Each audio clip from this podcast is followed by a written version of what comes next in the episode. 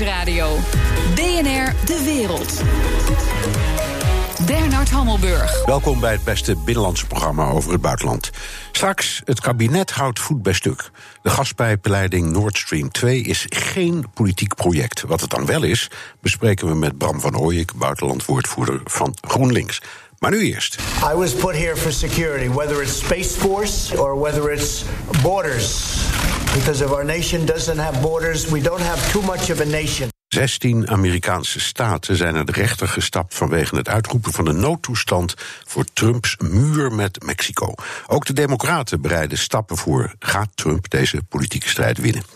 Ik praat erover met Jan Postma, onze correspondent in Washington, maar nu even in Nederland. Welkom Jan. Ja, dankjewel. Lekker vertrouwd hier. Ja.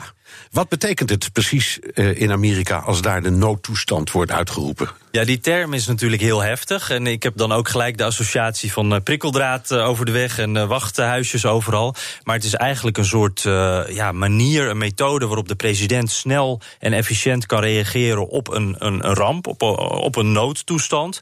en het is een beetje een, een soort tussendoorweggetje, waardoor hij niet het congres hoeft te vragen, maar dat hij dus zelf dat kan regelen. En dat is iets wat in het verleden dan vaak ook bijvoorbeeld voor sancties en dat soort zaken werd gebruikt. en meestal wat niet politiek onderwerpen. Ja, zeg maar. of gewoon voor overstromingen of Ja, ja gewoon uh, Katrina, ja. dat soort dingen. Ja, ja. ja. Wij, wij hebben trouwens ook artikel 103 van de Grondwet. En het werkt net zo, kan buiten het, uh, de Tweede Kamer om. Um, maar zijn er regels over? Want ja, wat is nou precies nood of noodtoestand? Ja, nou, dan zijn we eigenlijk natuurlijk gelijk bij de kern van deze uh, muurdiscussie aangekomen. Want uh, volgens Donald Trump is dit een hele duidelijke uh, noodsituatie bij de muur. Want er is daar volgens hem een nationale ramp aan het, ja, aan het voltrekken op dit moment al. Maar als je een andere politieke kleur hebt, dan vind je het eigenlijk misschien helemaal geen noodsituatie. En je kan je trouwens ook afvragen op het moment dat je al maanden over een onderwerp aan het praten bent over de muur, is het dan een acuut acute noodsituatie. Ja, maar je kan ook zeggen, dat vinden sommige democraten trouwens ook.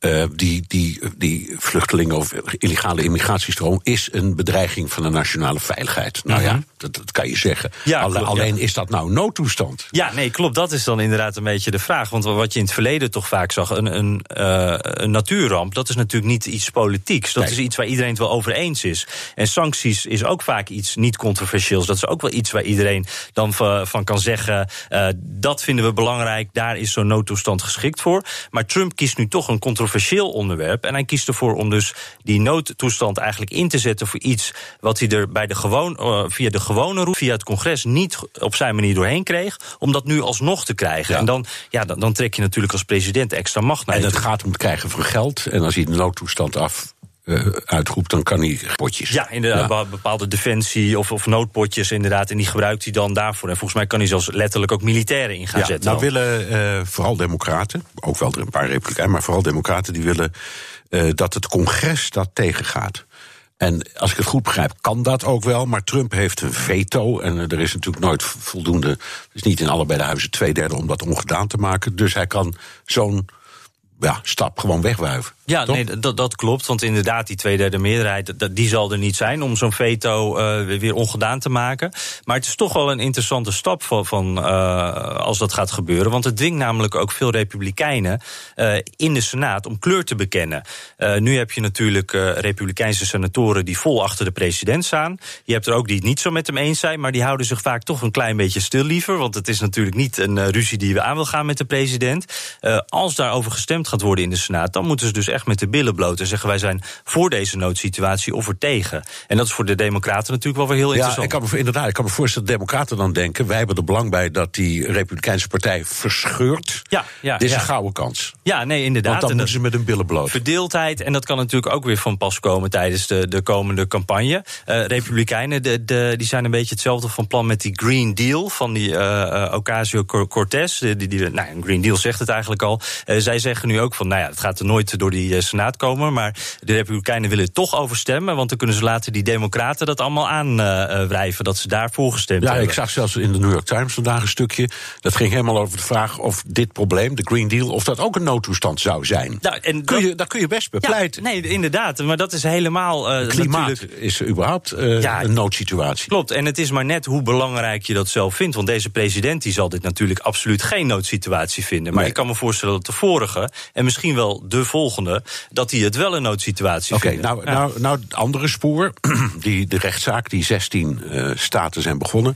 15 daarvan zijn democratisch, maar er zit ook een republikeinse bij. Michigan, dat, dat, dat, dat vonden we uh, wel pikant. We hebben wel een democratische gouverneur Dat natuurlijk. is waar, dat, maar uh, hoe, ja. hoe, hoe, hoe, hoe zit dat? Want dat, dat komt dan voor de rechter, dat gaat misschien in beroep... die gaan misschien naar het Hoge Rechtshof, afijn, dat Ja. gaat, dat gaat zo'n procedure door. Hoe zie jij dat? Nou, ik, dat is, eh, het wordt eh, eigenlijk als je iedereen eh, die erover leest of hoort, elke analyse zegt wel, dit gaat waarschijnlijk naar het Hoge Rechtshof inderdaad. En dan wordt het een interessante kwestie, want het Hoge Rechtshof ja, moet natuurlijk kijken naar wat voor invloed heeft, zou ons besluit hebben op, op het politieke systeem eigenlijk. Want op het moment dat Trump hierin gelijk krijgt, als dit inderdaad de nieuwe macht van de president wordt, dan zou je kunnen zeggen, dan verschuift de- balance of powers. Dan wordt de president machtiger.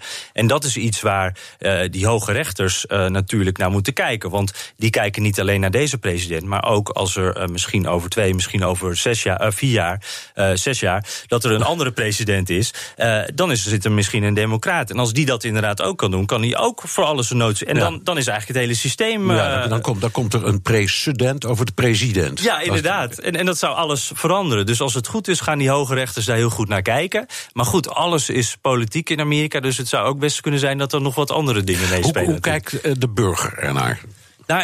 Daar zie je eigenlijk een, hele, eh, een heel wisselend beeld. En, en dat is zoals met zoveel dingen: is het of je bent natuurlijk republikein, dan heb je een mening. En Democraten hebben de tegenovergestelde mening, zo'n beetje. Dat heb je. Eh, maar daarnaast heb ik ook wel gemerkt dat in, in die grensregio, als je dan eh, met mensen praat, die voelen zich echt kwetsbaar. En ehm, je kan dan wel de cijfers hebben die laten zien dat er minder migranten over die grens komen. En dat het probleem nu, zou je kunnen zeggen, veel minder groot is dan 10 of 20 jaar geleden. Maar. Nou, of de meeste illegale komen gewoon per vliegtuig. Ja, ze hebben andere me- me- methodes gevonden. Maar in ieder geval die grensgebieden. eh, dat was het een stuk drukker eh 15 jaar geleden, zou je kunnen zeggen. Eh, maar als je natuurlijk zelf iets mee hebt gemaakt. of je weet van een buurman die iets heeft meegemaakt. dan verandert dat hele beeld eigenlijk. en die hele beleving. Ja, het is, het is gelijk. Je kunt zeggen, Trump zet het heel zwaar aan, maar het is ook niet correct om het probleem te ontkennen. Ja, nee, dat is zeker waar. En het is dus voor die, die groep is dat echt de waarheid. En dan horen andere eh, republikeinen, en die, denken, die zijn daar natuurlijk bang voor. Die willen dit ook niet in de toekomst. Nee. En, ja. Ja. Ehm, als het nou lukt, hè, want als ik jou goed begrijp, heb je kans dat het Hoge Rechtshof zegt: ja, nou ja, we zien uiteindelijk om presidentredenen daar toch geen brood in. Eh, in, eh, in, in de Senaat strandt, strandt het verhaal in elk geval ook. Dan heeft hij gewonnen. Eh, kan hij dan zeggen: alweer één verkiezingsbelofte ingelost? Als die muur er, Ja. is. Ja, nou, hij heeft nog, natuurlijk nog niet het hele bedrag voor die muur bijeen. Dus het blijft, het blijft een ongoing eh, process, zou je kunnen zeggen. Maar ik denk dat hij. maar in elk geval in de frame, want die man die houdt van frames. En die Ja, kan, klopt. Ja. Ja. nou ja, hier zie je weer duidelijk wat Trump eigenlijk altijd doet. Naar zijn eigen achterban toe heeft hij zeker gewonnen. Want Ja. daar heeft hij gewoon binnengehaald. Hij heeft gestreden. Het is een harde strijd geworden. Het ligt niet aan Trump. Hij heeft het voor hun binnengehaald. Nee, hij is eh, op de helft van zijn eerste termijn. Wat komt er nog meer? Want hij had nog meer beloofd. Ja, nou ja, we hebben natuurlijk eh, infrastructuur. Dat is echt een, een eh, dat was een belangrijk onderdeel van zijn, eh, van zijn campagne. Daar zou hij wat aan gaan doen. Ook een soort lopend proces zijn al die handelsovereenkomsten. Daarin heeft hij wel al een paar keer de overwinning verklaard. Maar met China zijn we natuurlijk nog in gesprek. Dat lijkt me ook het belangrijkste eerste, want dat is eh, 1 maart al de deadline. Al heeft Trump ook alweer gezegd dat hij hem een beetje uit zou willen stellen. Maar al die handelsovereenkomsten, NAFTA bijvoorbeeld, dat moet nog door het Noord-Amerikaanse verdrag. eh, dat, dat moet nog door, eh, eh, door het congres ook heen. Dus dat wordt ook nog wel een strijd. Dus dat zijn allemaal dingen die ook nog wel een beetje gaande zijn. En je had nog die, die, die drugscrisis in Amerika, waar Trump natuurlijk wel dingen aan heeft gedaan en aan heeft gewerkt. Maar dat is ook nog niet opgelost. Nee, één hele belangrijke vraag. Voordat we even onderbreken. Muller. Het, het verhaal is dat hij volgende week klaar is met zijn onderzoek. Dat is niet hetzelfde als het rapport komt dan in de publiciteit. Nee. Hoe zie jij het? Uh, nou ja, dat, dat wordt, het, het, het, wordt in ieder geval een mooi moment. Want we hebben hier twee jaar op gewacht. En dan is er dat moment dat het klaar is. Maar ja, dan gaat het eerst nog naar justitie. Ja, en de dan, minister van Justitie, want dat is de opdrachtgever. Ja, klopt. Dus die gaat het dan even doorlezen. Die gaat dan bekijken, gaat het naar het congres? En dan zou het naar ons, naar het publiek uh, kunnen gaan. En dan is nog de vraag, uh, hoe ver gaan ze dingen zwart maken? En, en krijgen we een samenvatting of het hele rapport? dus dat wordt nog wel heel interessant. En ik heb begrepen dat dat ook nog echt wel eventjes kan duren... voordat we echt dat rapport, als we dat rapport in handen gaan krijgen... dat we dat echt uh, hier en, en even, ik gooi iets naar je toe. Er zijn ja. twee dingen. Het Rusland-onderzoek en uh, machtsmisbruik. Mijn gevoel is dat Rusland-onderzoek, dat wint hij. Maar bij dat machtsmisbruik ben ik niet helemaal zeker. Nee, ik, nou, daar ben ik het met je eens. Want dat Rusland-onderzoek, ja, om daar een smoking gun te vinden, de kans dat dat er is, is niet groot. Uh, dat, dat is gewoon een heel ingewikkeld verhaal. En we hebben wel heel veel mensen uit de omgeving van Trump gezien die contact hebben gehad. Maar ik kan me heel goed voorstellen dat, dat Trump daar, uh, nou, daar de dans gewoon ontspringt. Dat hij daar, daar niks mee te maken heeft of dat het niet bewezen kan worden. Maar als we het hebben over de belemmering van de rechtsgang, dan zijn er alleen al tweets waarnaar je kan wijzen. Dat je kan zeggen, ja, hier heeft hij het geprobeerd een beetje de boel uh, onder, heel erg onder druk gezet eigenlijk. Hij heeft natuurlijk Comey ontslagen, uh, de FBI-baas. Dus daar zijn wel echt dingen gebeurd. Dus dat wordt wel interessant. Spannend, zo dadelijk. Sinds de verkiezingen van Trump verkeert Amerika in een permanente verkiezingscampagne. Hoe groot is de kans dat Trump wordt herkozen? BNR Nieuwsradio. BNR De Wereld. Bij gast Jan Postma, onze correspondent in Washington, maar nu even vanuit de studio in Amsterdam. At the end of the day, the only way that real change takes place is when millions of people stand up, fight back, and say, enough is enough. We're going to have a government that works for all of us, not just the few. Bernie Sanders was dat. Een wastlijst aan kandidaten meldt zich om het op te nemen tegen Donald Trump in de presidentsverkiezingen volgend jaar, waaronder ook deze man, Bernie Sanders. Maken ze een kans. Jan, laten we beginnen met hoe Trump ervoor staat. Gelooft zijn achterban nog in hem? Ja, dat denk ik wel. Het, uh, dat kan je ook makkelijk met cijfers onderbouwen. Want als je naar, die gemiddeldes van peilingen kijkt, uh, dan is het, uh, het, het, het, het, lijntje dat zeg maar het goedkeuren van de president weergeeft. Dat lijntje is, daar zitten wel een paar hobbeltjes in, maar die blijft gewoon hetzelfde. Dat is die 30, 40 procent die altijd achter de president blijven staan. En ja, die blijven gewoon achter ja, de president het, het, staan. Wat ik ervan begrijp is dat uit, uit die uh, uh, peilingen, uh, die jij ook altijd bekijkt, dat het enige dat hij eigenlijk is kwijtgeraakt... een beetje de, de voorsteden bij de grote steden... waar de, waar, Ja. de, waar de deftig rechts woont, zal ik maar zeggen. ja. Maar dat is percentueel niks, hè? Nee, klopt. Maar wat je wel dus een beetje ziet, hij heeft een, een, een smalle basis, een smal fundament waarop hij zijn vorige overwinning heeft gebaseerd. En die basis die wordt wel weer een heel klein beetje smaller.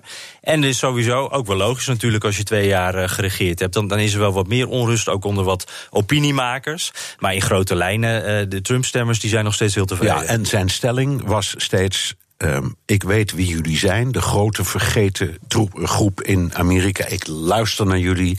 Ik weet niet of ik alles kan oplossen, maar ik ga mijn stinkende best doen. Die belofte die komt hij na, wat je er ook van vindt. Maar heel veel mensen zeggen, ja, die komt hij wel na. Bijvoorbeeld uh, belastingverandering.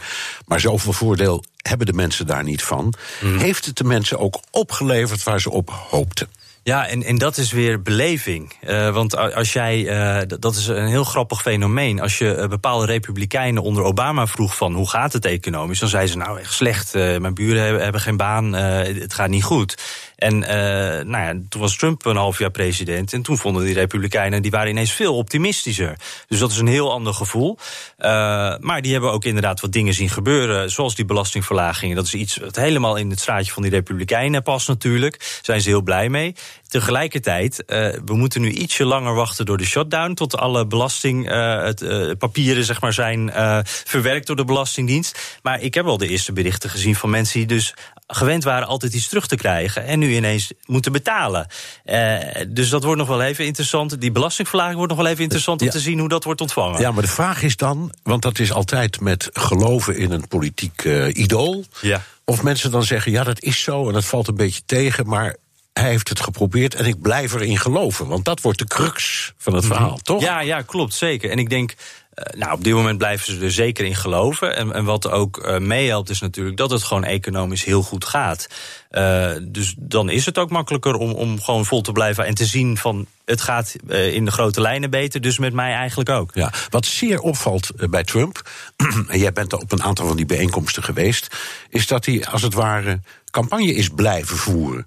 Elke keer als de spanning wat groter wordt, dan gaat hij ergens naar zo'n staat waar een heleboel van zijn volgelingen in een sportstadion of, uh, stadion zitten of zoiets en die juichen hem dan toe.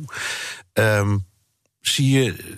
Zie je dat ook echt om je heen, dat, er voortdurend, dat ze voortdurend in die campagnemodus zitten? Ja, dat, dat, dat merk je natuurlijk vooral in de media. Uh, het is alleen al als ik bijvoorbeeld gewoon de televisie aanzet, dan komen er altijd campagnespotjes voorbij. Terwijl het er helemaal geen verkiezingen zijn op dit moment. Maar voor ook one-issue dingen. Als er weer een oprechter is die gekozen moet worden. Of als er iets met het milieu is. Of, of die muur. Moet een muur komen. Ja, ja. de muur, daar hebben we heel veel dingen over gezien. Die spotjes, die, dat is echt gewoon een. Dat gaat altijd maar door.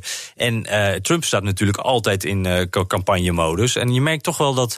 Uh, nou, in de media staan die mensen ook dus in diezelfde modus. In, in het schreeuwstandje, zullen we maar zeggen. En ik heb wel het gevoel dat dat inderdaad ook wel op mensen een beetje overgedragen wordt. Dat ook in het dagelijkse de dagelijkse gesprekken, dat, dat uh, iedereen echt altijd uh, fired up and ready to go, werd al bij Obama gezegd. Nou, zo staan Amerikanen er nu wel in. Ja, dan was het altijd zo dat in een land met maar twee partijen, laat maar zeggen, de animositeit, soms de vijandschap heel groot was. Dat was in de tijd van Nixon zo, in de tijd van allebei de Bushes kun je, kun je zeggen, was dat zo. Maar nu hebben we toch de indruk dat het land echt verscheurd aan het raken is. Een soort tweedeling. Mm -hmm. Klopt dat? Ja, ik, ik, ik, wij hebben het daar ook wel vaak over natuurlijk. En dan, dan zeg je ook altijd van, er is altijd, met twee partijen heb je natuurlijk ja, ook het is een binair systeem. Ja, dus, dus dus ja. dat hoort erbij. Uh, ik heb wel het gevoel dat, dat, dat het, ja, alles wordt politiek. Echt alles. En, en dat is wel iets, dat is volgens mij wel steeds iets, ietsje dieper die samenleving, zeg maar, inkruipt. Uh, het is nu al een politiek statement als ik uh, Nike zou, zou dragen. het is al een politiek statement, of zo kan het worden uitgelegd, als ik bij de Starbucks uh, koffie koop. Want daar is die, die Howard Schultz, die is daar, uh, uh, die is mogelijk presidentskandidaat. Nou, dan, dan zal dat wel iets zeggen over wat je ook echt vindt. Als ik bij een bepaalde kipketen een broodje ga halen, dat is dan een conservatieve keten, dan zegt dat ook al iets. En er zijn dus echt mensen die hun consumentenkeuze, zeg maar. Ook al is dat broodje kip dan wel zo lekker. Uh, ik sta niet achter waar die, de eigenaar van die keten achter staat. Ik ben niet conservatief, dus ik ga daar niet mijn boodschappen doen. Ik ga daar niet mijn eten halen. Nee. Dat, dat, dat, dat begint, het is echt een soort verzuiling. En dat is wel een belachelijke situatie. Maar dat begint wel meer en meer ja, te je hoort, je hoort ook steeds verhalen over families die ruzie met elkaar Ja. krijgen. Is dat ook echt zo? Merk jij dat? Ja, nee, ik sprak laatst nog iemand die vertelde. Uh, dat vond ik wel echt een mooi verhaal. Die had een jeugdvriendin, die had ze al jaren niet gesproken. Die woonde in een conservatief deel van Amerika. Zij was zelf wat minder conservatief. En ze zei van: Ik wil die verschillen die we hebben in het land, die tegenstellingen. Ik wil het daar met haar over hebben. Wij waren hele goede vriendinnen, dus wij kunnen daar vast wel wat uh, in vinden. Een soort common ground. En ze zei van na één e-mail dacht ik van ik moet hiermee stoppen. Want ik kom, niet, ja, ik kom niet dichter bij elkaar. Dit is het einde van de vriendschap dan. Ja. Nou ja, en dat is de, bij al die kerstdiners en Thanksgiving diners... er wordt gewoon niet over politiek gesproken. Nee, je praat alleen over het weer. Ja. Ja. Ehm, wat zijn nu de belangrijkste problemen waarop de Amerikanen antwoord willen? Als we even al ook meedoen in die modus van een nieuwe verkiezingsstrijd die al bezig is. Lijkt dat op wat er in 2016 speelde? Ja, ik, ik heb dat gevoel wel inderdaad. Omdat heel veel van die thema's, die spelen gewoon nog steeds. Als je bijvoorbeeld kijkt naar die muur, daar hebben we het nu nog steeds over. Uh, dus je zou kunnen zeggen dat daar eigenlijk niet zoveel is veranderd. Want dat is nog steeds, dat was een strijdpunt, dat blijft een strijdpunt. Dat is ook echt een symbool geworden. Democraten, nou, je ziet het bij al die nieuwe kandidaten, die hebben het ook uh, over de zorg. Nou, dat was ook al in 2016 een, een onderwerp. En zo hebben we het eigenlijk over heel veel dingen waar we toen ook over hadden. Nou, de economie is uh, zo'n onderwerp, dat is. Ik sprak eens met een Trump-supporter. Er zijn meerdere eigenlijk die dat zo zeiden van hebben we geregeld. Die, die economie is al gefixt. Uh, we zijn er al. Maar je merkt wel dat dat voor. Uh, dat niet iedereen dat nog merkt. En dat dat voor heel veel mensen ook echt nog wel een item is. Ja, en dan hebben we eigenlijk de belangrijkste thema's weer Ja, binnen. een heel belangrijk punt natuurlijk is dat in, in de werkloosheidsstatistieken en de inkomensstatistieken vaak de werkzoekenden en de armsten niet worden meegeteld. Ja, En de, dat de mensen die het op hebben gegeven. Die hebben het eigenlijk opgegeven, ja. Dus dat geeft een beetje een vals beeld, dat is waar. Goed, je, je noemde het al, de, al die kandidaten bij de, de, de Democraten.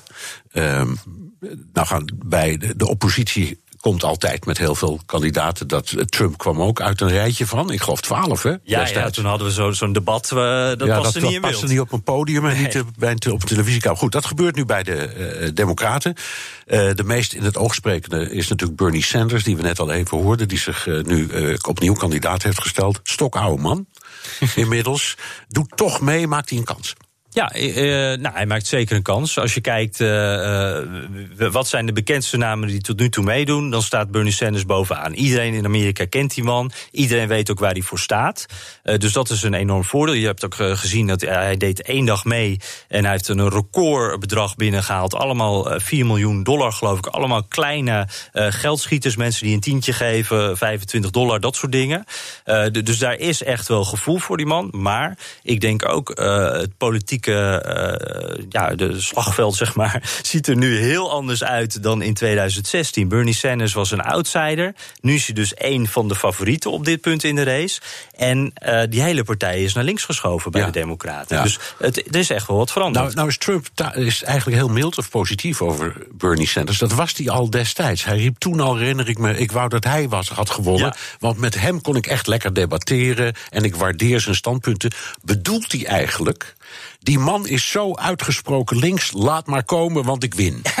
Nou, dat, dat gevoel heb ik daar wel bij, inderdaad. Hij noemde hem laatst ook weer Crazy Bernie. Dus eh, op dat punt eh, eh, heeft hij ook wel een, een andere mening over, over Sanders. Maar ja, ik heb het idee dat Bernie Sanders zou ook voor Trump op een bepaalde manier de ideale tegenstander zijn. Je ziet nu al dat Trump de Democraten in het algemeen neerzet als de partij van de socialisten.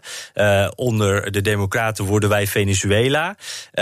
Nou, Bernie Sanders is natuurlijk het voorbeeld van, van een socialist. Ja, En- die zichzelf ook zo noemt. Dat Ja, komt in klopt. Amerika niet alle dagen voor. Nee, inderdaad. En daar ook succes mee heeft. Maar ik denk dat Trump ook wel denkt van nou, als puntje bij paaltje komt, gaat dat natuurlijk tegen hem werken. En dan ben ik blij dat die Bernie Sanders eh, de tegenstander is. Ja, want laten die 16 linkse studenten maar lekker op hem stemmen. De rest stemt op mij. Ja, nee, dat is precies wat hij denkt. Ja. Ja. Eh, noem nog één of twee andere namen. Joe Biden komt Ja. steeds weer terug. Ook, Ja. uit, ook zo langzamerhand uit de geriatrische inrichting.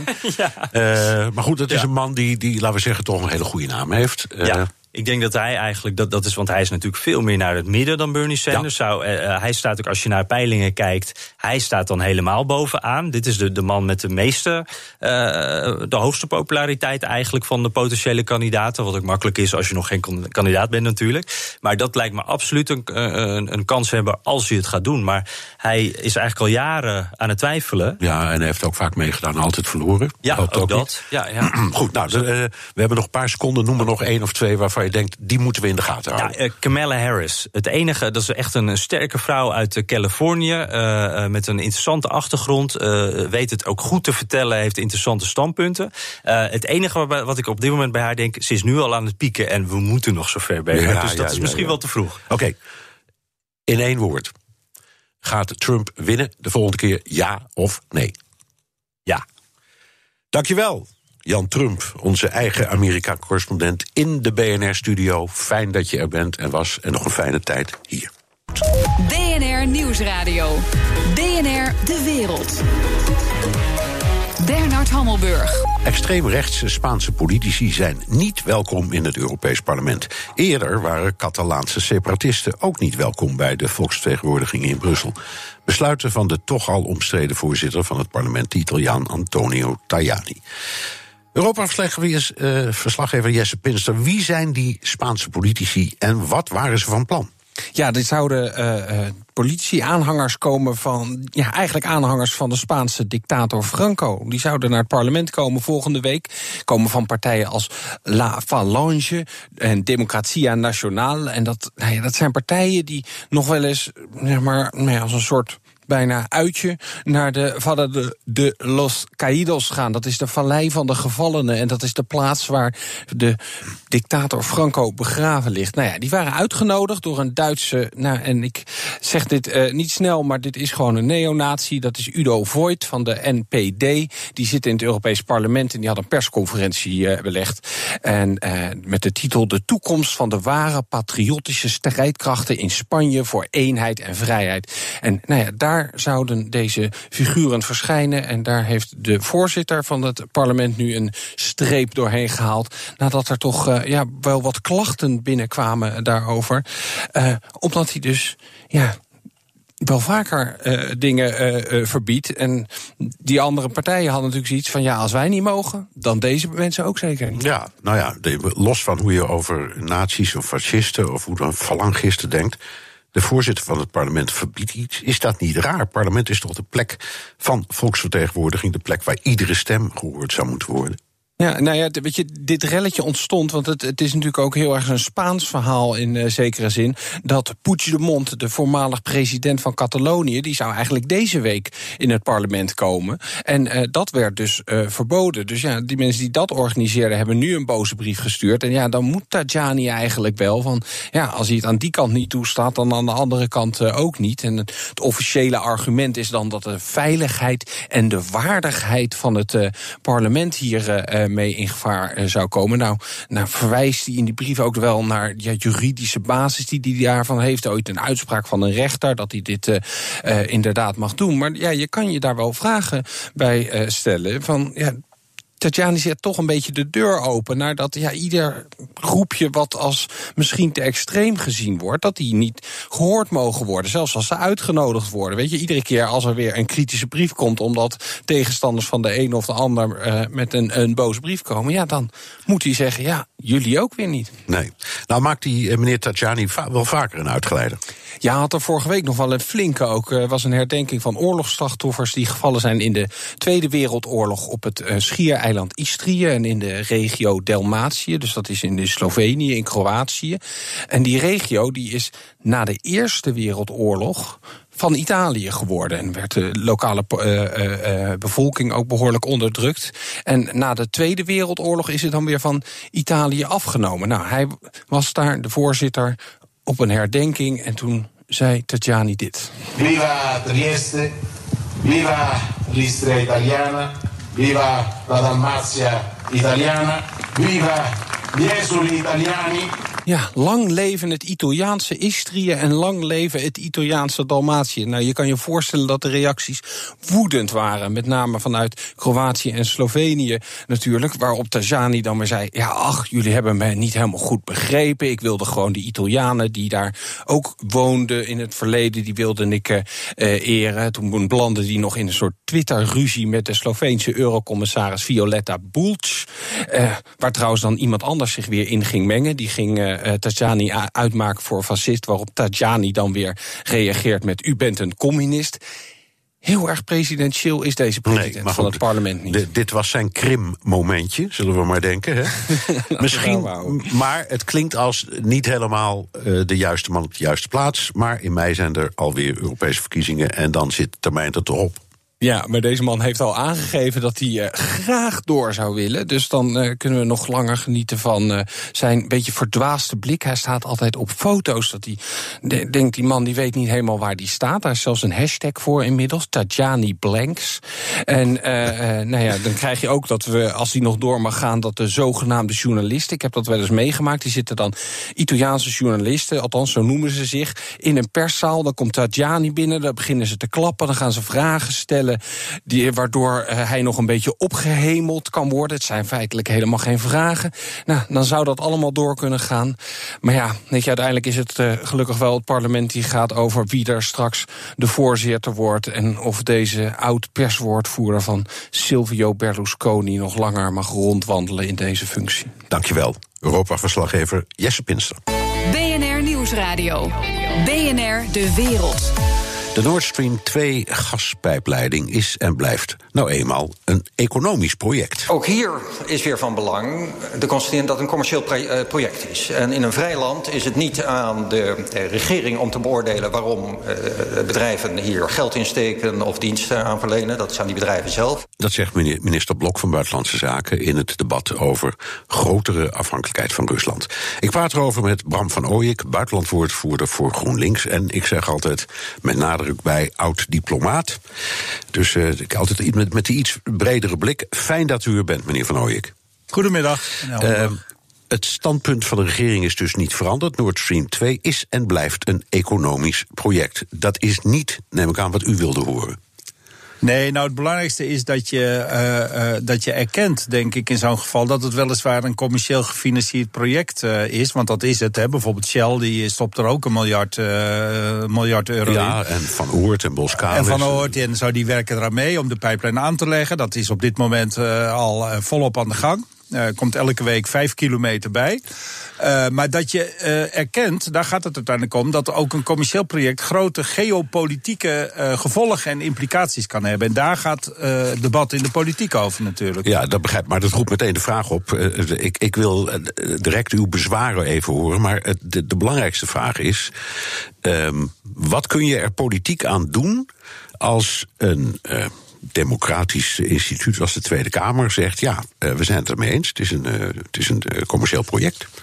Nou ja, als je bijvoorbeeld hebt over specifiek over Nord Stream, het feit dat die uh, uh, wordt aangelegd, betekent dat Rusland zijn gas niet meer via Oekraïne hoeft te exporteren, maar dat ze het zeg maar bovenlangs kunnen doen door de Oostzee. Dat heeft grote consequenties voor Oekraïne, hè, die nu voor zijn gas afhankelijk is van Rusland, maar die ook geld verdient omdat ze een zogenoemd transitland zijn. Hè.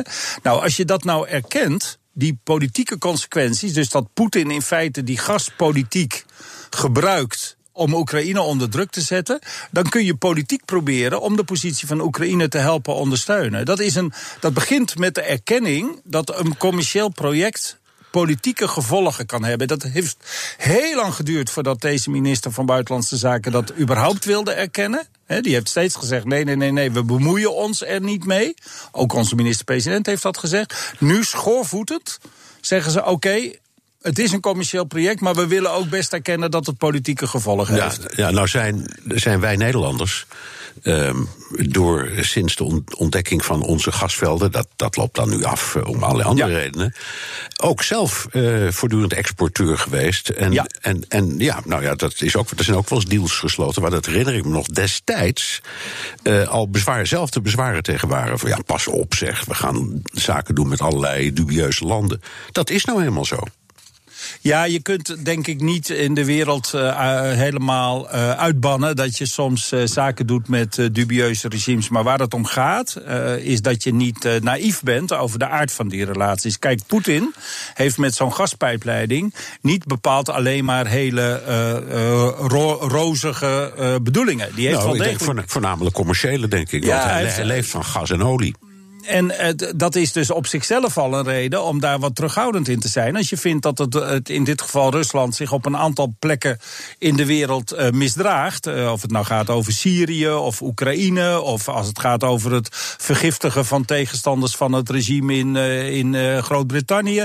Het neerhalen van de MH17. Ik zeg het toch nog maar een keer. Hè? Dat ja, is toch wel een behoorlijk lijstje. Uh, de, dat ons ertoe zal moeten uh, nopen om zeer kritisch te kijken naar wat wij doen en of dat niet uh, de positie van Poetin versterkt. Nou, en, en, en met gas zijn, is dat zo. En dat zijn uw bez belangrijkste bezwaren. De, de, ja. Het, het, gedrag van Rusland afgezet tegen de stelling dat nee hoor, dit, gaat, dit is gewoon een commerciële deal. Ja, weet u, en het, het, wat ons het meeste zorgen baart is dat we in feite meer in plaats van minder afhankelijk worden van Russisch gas. Hè. Dus onze minister-president president houdt een mooie speech in uh, Zurich. Uh, vorige week, geloof ik. Hè? En ja. dan zegt hij van ja, we moeten minder afhankelijk worden van, uh, van Russisch gas. Dat vind ik ook. Maar dan zul je toch echt. Uh, uh, dat gaat niet vanzelf. Hè? Nee, dus maar, nee, maar de VVD werpt daar een argument tegen op. En die, die zeggen: dat maakt niet uit, want we haalden al niet het maximale uit de bestaande Nord Stream 1. Daar zou ook meer gas door kunnen komen. Dus dat maakt niet zoveel uit. Ja, maar het feit dat er steeds meer infrastructuur komt, uh, steeds meer pijpleiding komt te liggen tussen Rusland en, uh, en West-Europa, is op zichzelf een, uh, een trigger, of hoe zeg je dat, een stimulans om, om meer van dat gas door die pijpleidingen heen te, te sturen. Want dat, die liggen er niet voor niks natuurlijk. Nee, nou, heeft, nou, en dat zie je ook, als ik het nou één zin ja, mag zeggen, dat zie je ook aan de cijfers. Hè, want we, we worden feitelijk, dat komt natuurlijk ook omdat we minder gas uit Groningen halen, terecht overigens, we worden feitelijk meer afhankelijk van Rusland. En dat willen we eigenlijk niet. Nee, maar wat dan? U zegt, we willen van het gas af. Die stelling steunt u. Je moet het ergens anders vandaan halen, want we zijn niet zelfvoorzienend. Zeker niet gedurende die lange periode van energietransitie. Wat dan? Nou ja, je moet, je moet. eh, Kijk, je hebt gas waarschijnlijk nog een aantal jaren nodig. Zolang je niet helemaal uh, bent overgeschakeld op, uh, op uh, hernieuwbare energie. Hè, op zon en wind en al, allerlei andere alternatieven. Daar moeten we dus veel meer tempo mee maken dan we nu doen. Dat maakt ons onafhankelijker van, van Rusland. In de tussentijd hebben we gas nodig. Maar dat kunnen we natuurlijk op heel veel manieren ook uit heel veel andere landen ja, betrekken. Noem even. Het zou kunnen uit Noorwegen. Het zou kunnen. Nou, zijn, ja. noem, het zou kunnen vloeibaar gas uit, uh, uit de Verenigde Staten. Uit de Verenigde Staten, dat wil uh, de Amerikaanse ambassadeur heel graag. Ja, die, die, zat, ook, daar, die zat ook bij het Kamerdebat, hè? die, was, die was bij het debat en die schrijft ook regelmatig ingezonde brieven... waarin hij ons dan weer bedreigt zo van als je niet... Als je het Russische gas blijft kopen, dan... dan zwaait er wat. Ja. Dan zwaait er wat, dan krijg je misschien wel sancties. Maar je kunt ook denken aan, aan landen in, in Noord-Afrika. Je kunt ook denken aan landen in Centraal-Azië. De minister-president heeft zelf in zijn speech ook een aantal van Canada. Hè. Er zijn uh, kleine gasvelden in Nederland, uh, gas onder de Noordzee. Je, je moet het waarschijnlijk een beetje bij elkaar sprokkelen. Hè. Dat is waarschijnlijk de realiteit van de, van de huidige gaspolitiek. Maar dat is niet erg, want dan, dan heb je niet al je eieren in één mandje, om het maar zo te zeggen. En uh, lacht Poetin in zijn vuistje. Zo dadelijk. Premier Rutte wil meer realpolitiek in het Europese buitenlandbeleid. Wat betekent dat voor onze opstelling tegenover Rusland? Nieuwsradio. BNR De Wereld. Mijn gast Bram van Ooyek, buitenlandwoordvoerder van GroenLinks en oud-diplomaat. Doing nothing means we will become ever more dependent on a few countries that do not hesitate to pursue pipeline politics. Premier Rutte was dat in een lezing in Zurich. We hadden het daar net al over. Uh, en die heeft het over pipeline politics. Europa zou te afhankelijk zijn van energie uit het Midden-Oosten en Rusland. Rutte roept ook op tot een stevig Europees buitenlandbeleid. Wat betekent dit nu voor de Nederlandse opstelling van de Russen? Meneer Van Ooyek, wat stelt u zich voor bij dat begrip pipeline politics? Nou ja, dat je in, in ieder geval erkent dat uh, de, de private uh, projecten, zoals Nord Stream, waar we dit gesprek al eerder uh, op naar keken, dat die hele grote politieke implicaties hebben. Dus het is winst dat onze minister-president, die eerlijk gezegd heel lang heeft gezegd, daar bemoeien wij ons niet mee, nu zegt van nou, ik zie wel degelijk dat daar politiek mee wordt bedreven. En dat is wat Poetin doet, dat is wat Saudi-Arabië doet, dat is wat uh, landen in het Midden-Oosten in het algemeen doen. En wij kunnen dat alleen maar beantwoorden door uh, onze eigen belangen. He, bijvoorbeeld niet afhankelijk zijn van één of twee uh, landen, maar veel meer te spreiden onze risico's. Uh, om onze eigen belangen veel prominenter voorop te zetten. Ook al gaat het om private projecten. Ja, in Brussel is uh, besloten dat er meer Europees toezicht komt op Nord Stream 2, op pijpleidingen. Ja. Gaat dat ver genoeg? Nou ja, er zijn het, het, het, de adder onder het gras is waarschijnlijk dat er uh, uitzonderingen mogelijk zijn. Hè? Dus uh, de, de regels zijn op zich uh, goed. Hè? Dat gaat over transparantie en over dat je voorkomt dat er een monopolie ontstaat rond zo'n gasleiding. Maar de Brusselse compromismachine, die altijd op volle toeren draait, zoals u weet, heeft toch weer iets bedacht en zegt ja, maar je mag toch wel nog als lidstaat waar die gaspijpleiding uitkomt, mag je onderhandelen over ontheffingen voor die regels. Daar zit mijn zorg dat Duitsland straks met uh, Rusland uh, het op een akkoordje gooit over Nord Stream bijvoorbeeld. En dan tegen de Europese Commissie zegt: Nou, accepteer dit nou maar. Want uh, anders dan zijn we nog verder van huis. Ja, daar, daar, had ook uw collega in de Kamer, Sjoerdsma van D66, het over. Duitsland gaat gewoon zijn gang. En dat betekent in feite, als dat zo is, want u hebt het over de compromismachine, dat Brussel in feite buitenspel staat. Dat klopt dan toch, zijn redenering? Nou ja, ik maak me met hem zorgen over die uitzonderingen. Hè. Dus nogmaals, de regels van de gasrichtlijn uh, die zijn goed. En als je die toepast op Nord Stream is dat nog beter. Dat is nu afgesproken. Alleen er is te veel ruimte om toch weer uitzonderingen op die regels uh, te maken. En dan weten we allemaal dat uh, ja, een land als Duitsland, wat hele sterke eigen uh, belangen kan hebben, commercieel, maar ook politiek, om het bijvoorbeeld met Rusland uh, op een akkoordje te gooien, dat die veel invloed heeft in, uh, in, in, in Brussel. Dus daar zit, nou ja, daar zit de, de zwakte van het bereikte dat, compromis. Dat, dat, begrijp ik, maar dan spreek ik u toch even aan als diplomaat. Dat, dit is nu eenmaal zo. Er, er zitten ja. nu, nu, nog steeds 28 landen in die Unie en die moeten over elk onderwerp steggelen en compromissen sluiten. Ja. Hoe zou het dan moeten? Nou ja, je moet, dat, dat is uiteraard, hè, zou ik bijna zeggen. Dat, dat is de kern van, uh, van de internationale diplomatie. Wat Nederland uh, vaak niet goed doet, is dat we te lang uh, eigenlijk zeggen, in dit geval bijvoorbeeld van nou, het is eigenlijk een commercieel project, daar moet de politiek zich niet mee bemoeien. En dan op het allerlaatste moment, dan, dan wordt er een soort deel gesloten en dan gaat Nederland heel snel mee met de grote jongens en meisjes. Hè. En dat is, Nederland moet veel meer vanaf het begin in deze kwestie, maar er zijn heel veel andere kwesties, of het nou gaat over defensie of over handel of over uh, uh, veiligheid en justitie, ja. milieu, klimaat. Hè.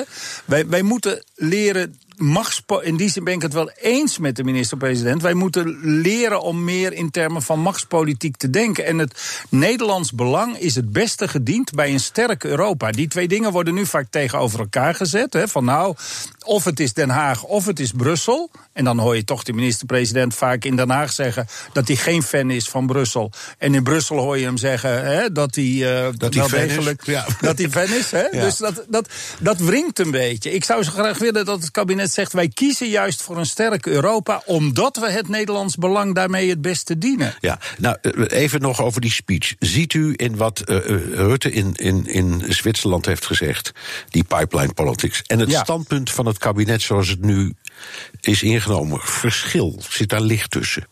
Nou ja, ik, ik vind dat het in ieder geval uh, winst is dat Nederland zijn verzet tegen het toepassen van die Brusselse regels op die gaspijplijn heeft opgeheven. Nederland vergeet, vergeet dat niet. Hè. Nederland heeft zich echt tot het allerlaatste moment verzet tegen het compromis zoals het nu gesloten is. Want Nederland vond inderdaad, het is een privé, het is een particuliere uh, investering. We moeten ons er niet mee bemoeien.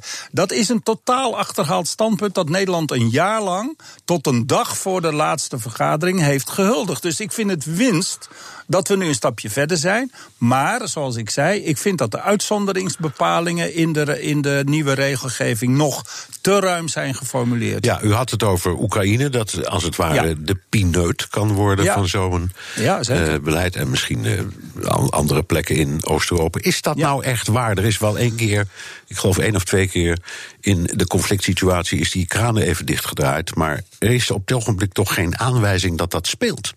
Nee, maar Nord Stream 2 gaat ja, straks die loopt wel... nog niet. Ja, daar heb gelijk. Nee, die loopt nog niet. En die nee. gaat straks natuurlijk wel, eerlijk gezegd, in het, in het Kremlin... Uh, straks toch de keuze voorleggen van gaan we het doen via Oekraïne... gaan we gas exporteren via Oekraïne of via de Oostzee. En weet u, 2% van het nationaal inkomen van Oekraïne... is afhankelijk van de, de fees die uh, uh, Rusland betaalt...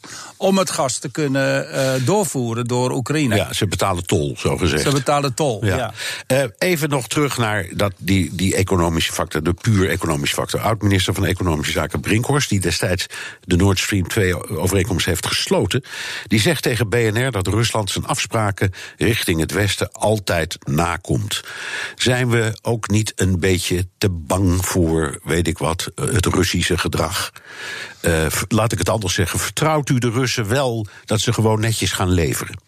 Ik denk dat ze, dat ze in beginsel in, in de relatie met uh, West-Europa uh, uh, bereid zijn om de afspraken te respecteren. Waar het om gaat, en dan komt toch weer die geopolitieke dimensie om de hoek kijken, dat je door dit soort infrastructuur en door die gasafhankelijkheid, dat je de positie van een, ja, van een zittende president en zijn kliek, hè, laten we ook Gazprom, hè, is toch de, de Russische, het Russische gasbedrijf hoort toch in de circle, hè, in de kring van, van Poetin. Dat je al die dingen die, die we tegen hebben op Rusland, dat ze de Krim hebben geannexeerd, dat ze de MH17 hebben neergehaald, dat ze Oekraïne zijn binnengevallen, de rol die ze in Syrië hebben gespeeld, daar willen wij een goed antwoord op hebben. En dan moet je niet de positie van Poetin economisch. Uh, alleen maar versterken, want nee, dat verzwakt je politieke dat, dat, antwoord. Dat is waar. Maar dan kom ik weer bij de diplomaat. Het omgekeerde geldt ook. Als je dit soort dingen gewoon laat gebeuren. Eh, dan biedt dat ook de basis voor de bouw aan een nieuwe en betere relatie met Rusland. Uh, Lavrov, de, de, de, Russische minister van Buitenlandse Zaken, die heeft opgeroepen, Europa opgeroepen om aan een Europees thuis te werken samen met Rusland. Het is toch op zichzelf wel een goed punt om te zeggen: we grijpen zoiets aan om die vertroebelde relatie te verbeteren. Ik denk dat je vooral van Rusland mag vragen dat het, dat het, het, uh, dat het zijn gedrag uh, aanpast. En dat het door zijn gedrag laat zien. Ik zal u één voorbeeld geven in de actualiteit. Nederland heeft, zoals u weet, Rusland aansprakelijk gesteld hè, voor het uh, neerhalen van de MH17. Rusland weigert tot nu toe ook maar het begin van enige verantwoordelijkheid daarvoor te erkennen. Laat staan een gesprek op gang te brengen over, over, over de precieze schuld en, en, en wie daarvoor aansprakelijk gesteld kan worden. En, Rusland en, ja, dat, en wie de bom heeft geleverd. Gewoon. En wie de bom heeft geleverd. En wie de bom heeft geleverd. Rusland weigert dat gewoon. Maar zo zijn er zoveel voorbeelden. Dus als Lavrov een Europees huis wil, dan denk ik dat is hartstikke goed. Maar laat hij nou eens één concrete stap zetten. Één. He, om te beginnen, waaruit blijkt dat hij echt samen met ons in dat Europese huis wil wonen. Ja, dus u zegt nee, die uh, zeggen de, de, gashandel is niet een aanleiding om te zeggen we, dat, ze, dat ze middel om naar ontspanning te zoeken. Nee, want ik, ik denk dat ontspanning komt als je laat zien dat je bereid bent, bereid bent om vertrouwenwekkende maatregelen te nemen. En wat hier gebeurt, is dat er komt straks gewoon gas van, van stroomt van Moskou naar, uh, naar, naar, naar, naar Duitsland, zeg maar even, of naar West-Europa. En geld stroomt terug van ons naar, naar, naar het Kremlin. En dat, dat is op zichzelf niet helaas zou ik bijna zeggen, een, uh, een, een, stimulans om uh, tot betere relaties te komen. Want dat bevestigt juist en dat bestendigt juist de status quo. Dank. Bram van Ooyek, buitenlandvoerder voor GroenLinks en oud-diplomaat. En tot zover BNR De Wereld. Terugluisteren kan via de site, de app, iTunes of Spotify. Elke zaterdag beantwoord ik op bnr.nl vijf vragen over een actueel thema. Hebt u een onderwerp? Stuur dan een tweet naar @bnr of mail naar onlineredactie@bnr.nl. Tot volgende week.